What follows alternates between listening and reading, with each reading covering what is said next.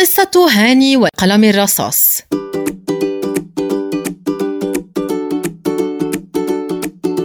هاني تلميذ مجتهد وابن مهذب يعيش مع جدته في منزلها بسبب سفر والده ووالدته للعمل خارج البلاد.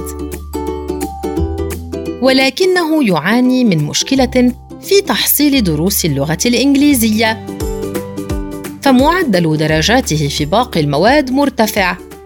أما عن معدل تحصيله في اللغة الإنجليزية فمنخفض جدا. رجع إلى البيت يحمل كشف الدرجات بين يديه ويبكي.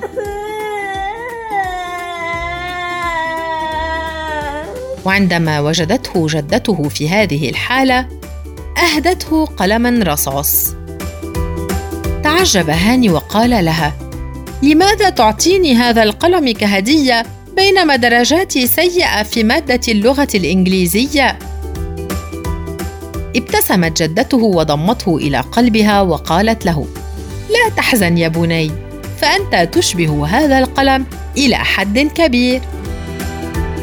فتح هاني فمه من الاندهاش وقال لها أنا أشبه القلم الرصاص ولكن كيف؟ فقالت له قلم الرصاص قوته في داخله. فعندما يكتب به شخص ما يترك القلم بصمته داخل الكراسات والكتب والأوراق.